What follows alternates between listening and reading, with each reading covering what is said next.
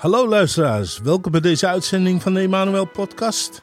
Vandaag willen we het hebben over de kracht van gebed. Wist u dat er eh, in de Tweede Wereldoorlog ongeveer 25.000 Nederlanders vochten als soldaten bij de Waffen-SS? Zij waren fanatieke moordmachines die tot hun laatste snik vochten voor Adolf Hitler en zijn duizendjarig rijk. Deze Nederlanders vochten tegen de verkeerde vijand. Zij vochten tegen hun eigen volk. Helaas zie ik soms hetzelfde verschijnsel om mij heen. Christenen vechten tegen mede-christenen, ouderlingen vechten tegen mede-oudsten, kerkleden tegen mede-kerkleden en gelovige ouders tegen gelovige kinderen en vice versa. Geen wonder dat de boze in zijn vuistje lacht, want zolang wij tijd verspillen om elkaar te verslinden, zullen we nooit onze echte vijand verslaan. Men probeert vaak de strijd te winnen door ruzie te maken, of door te argumenteren, of door gelijk te krijgen. Lieve mensen, dit is een wereldse en zeer vruchteloze manier om resultaten te boeken. Indien we echt resultaten willen zien, moeten we weten tegen wie we strijden en hoe we moeten strijden. Gelukkig geeft Jezus ons aan waar de grens precies ligt. Johannes 10, vers 10 zegt het volgende. Oh, dit zijn zulke mooie woorden. Jezus zegt: De dief, dat is de boze, dat is de duivel, dat is Satan. Het maakt niet uit hoe je hem wil noemen. De dief komt alleen om te stelen, te doden en te vernietigen. Maar ik, dat is Jezus, ben gekomen om mijn schapen leven in overvloed te geven. Jezus geeft hier duidelijk de grens aan. Deze grens geeft aan wat de dief doet en wat Jezus doet. De boze wil alles van je stelen, want hij is een dief. Hij wil jou het liefst doden en vernietigen. En het maakt hem niet uit hoe. Het zij door ziekte of depressiviteit of verslaving, als hij maar jouw leven kapot kan maken. Nou, de vraag is: waarom wil hij dat? Omdat God totaal geen match is voor hem. De enige manier om God te kwetsen is door zijn kinderen aan te vallen. Ik zou het ook zo kunnen formuleren. Alles wat bij jou het leven in overvloed tegenwerkt of tegenstaat, is het werk van de boze. Lieve mensen, dit moet je weten. De duivel is een slechte duivel en God is een goede God en wij zitten er tussenin. Nou, vele christenen vergissen zich en denken wel als God toch zo goed is, dan zal zijn wil voor mijn leven ook automatisch gebeuren. Dit is natuurlijk niet zo, want anders zou er ook geen strijd zijn. Of u het nu leuk vindt of niet, u heeft nu eenmaal een vijand. Ook daar is de Bijbel duidelijk over. 1 Petrus 5 vers 8, wees verstandig en let goed op. Jullie vijand, de duivel, uh, loopt rond als een brullende leeuw die een prooi zoekt. Hij zoekt u. Hij zoekt wie hij kan verslinden. Dus hij kan niet iedereen verslinden, maar hij zoekt wie hij kan verslinden. En dan staat er: verzet je tegen hem. Verzet je tegen hem. Sterk in jouw geloof. Jacobus 4, vers 7 zegt: Onderwerpt u dus aan God, maar biedt weerstand aan de duivel. En hij zal van u vlieden. Nader tot God en hij zal tot u naderen. Reinigt uw handen, zondaars, en zuivert uw harten, gij die innerlijk verdeeld zijt. Besef uw ellende, treunt en weent. Uw gelach moet veranderen in treurigheid en uw vreugde in neerslachtigheid. Vernedert u voor de Heere en hij zal u verhogen. Nou, voor zover ik weet, heb ik niet één tekst in de Bijbel kunnen vinden waarin de gelovige wordt bemoedigd om te tolereren wat de boze probeert te doen in jouw leven. Iedere keer worden wij vermaand om weerstand te bieden. Met andere woorden, je moet het niet tolereren, je moet het niet toestaan, je moet er tegen ingaan. Deze teksten laten ons zien dat de duivel een dief is en een dief moet je eerst arresteren en gevangen nemen om te voorkomen dat hij nog meer dingen zal stelen.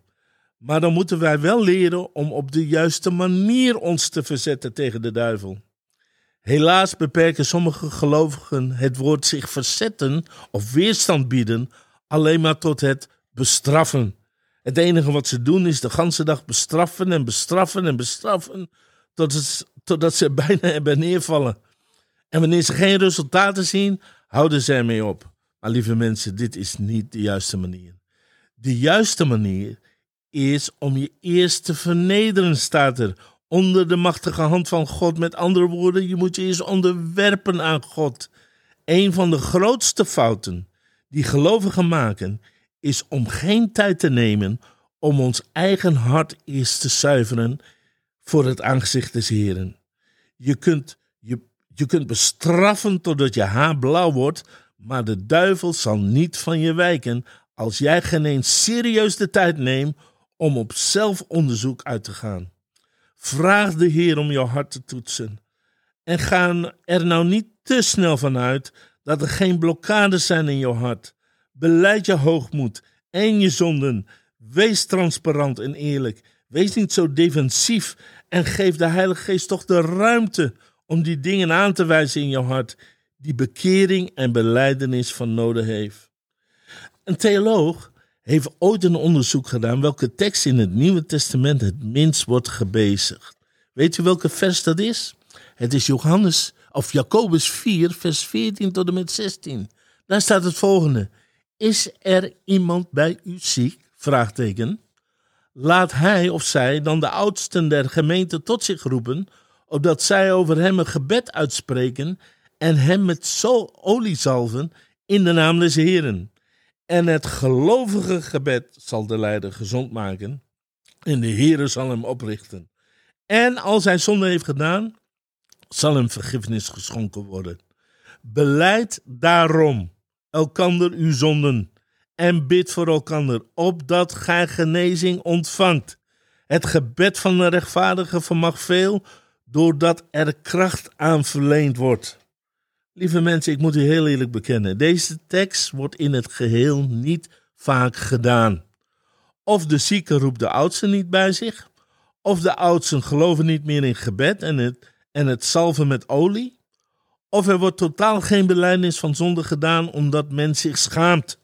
De kracht van gebed, lieve mensen, zal je pas ervaren wanneer je bereid bent om, ook om jouw zonden te beleiden en niet alleen te beleiden dat je de gerechtigheid Gods in Christus bent.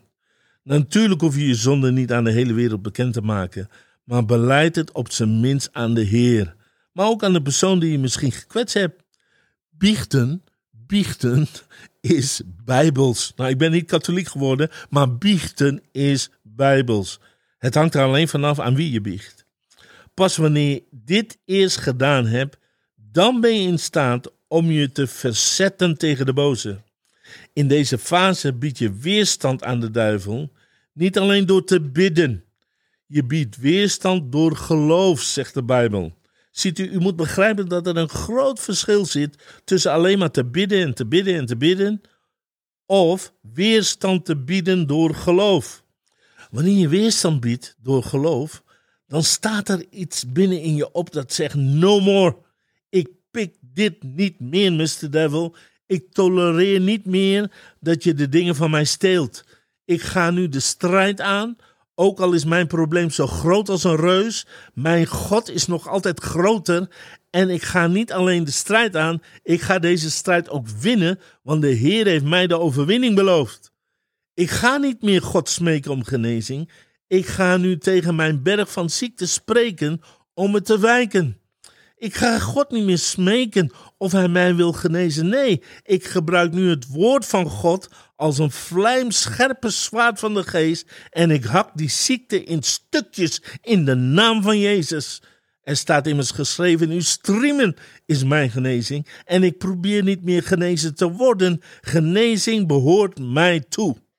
Nou, u denkt misschien bij uzelf: Nou, dat is, is dat niet een beetje overmoedig, Peter? Nee, dit is precies wat Jezus ons leert in Marcus 11, vers 21 tot en met 26. En Petrus herinnerde het zich en zeide tot hem: Rabbi, zie de vijgenboom die gij vervloekt hebt. Dat was gisteren voor Petrus. Het is nu verdord. En Jezus antwoordde en zeide tot hem: Heb geloof in God. In de originele tekst staat er, in het Grieks staat er, heb het geloof van God. Met andere woorden, gebruik dat geloof dat God jou gegeven heeft. En dan zegt hij, voorwaar, ik zeg u, amen, amen, ik zeg je. Ik ga je niet voorliegen. Ik zeg u, niet, niet Peter de Loos zegt u, niet, niet Kenneth Hagen of welke predikant dan maar ook. Jezus zegt u, wie tot deze berg zou zeggen: Hef u op en werp u in de zee, en in zijn hart niet zal twijfelen, maar geloven dat hetgeen hij zegt geschiet, het zal hem geschieden. Daarom zeg ik u: al wat gij bidt en begeert, geloof dat gij het hebt ontvangen en het zal geschieden. En wanneer gij staat te bidden, vergeef dan wat gij tegen iemand mocht hebben, opdat gij, uw Vader in de hemelen uw overtredingen vergeven. Indien gij u echter niet vergeeft, zal uw Vader die in de hemelen is, uw overtredingen ook niet vergeven. Het geloof dat je van God gekregen hebt, lieve mensen, is een krachtig wapen wanneer je het gebruikt op de juiste manier. Geloof spreekt tot de berg. Geloof spreekt tot de vijgenboom. Geloof spreekt tot de ziekte. Geloof spreekt tot de vijand. Weet u, ik weet van een kerk in Nigeria. Deze kerk is begonnen met twee mensen, de voorganger en zijn vriend. En deze voorganger en zijn vriend hadden gebeden en gebeden en gebeden en gebeden. En er kwam maar geen groei. Totdat de Heer hun geestelijke ogen geopend had. En de voorganger zag dat de boze zijn kerk had gecamoufleerd. Vele mensen liepen gewoon aan voorbij, ze zagen de kerk genees. En de voorganger en zijn vriend begonnen deze camouflage te bestraffen en te verbreken in de naam van Jezus. Ze begonnen te spreken tegen hun berg, tegen hun vijgenboom. En nu, vandaag aan de dag, is het een van de grootste kerken in Nigeria met maar liefst 50.000 leden. En misschien nog wel meer nu. Ziet u, geloof bidt niet alleen. Geloof spreekt gezag uit. Door geloof kan jij ook weerstand bieden. Geloof ontvangt een doorbraak voordat de doorbraak zal gebeuren. Geloof ontvangt genezing voordat de genezing zal geschieden. Dat is wat Jezus ons leert. U kunt het zelf nalezen in Marcus 11, vers 21 tot en met 26. Maar zit u wanneer je alleen maar klaagt of redeneert over je berg, of praat over je berg, of praat over je vijgenboom, of over je ziekte of over je situatie, dan zal die situatie nooit veranderen. Jezus zegt, wie tot deze berg zou zeggen? Wie betekent Jan en allemaal? Dus ook jij.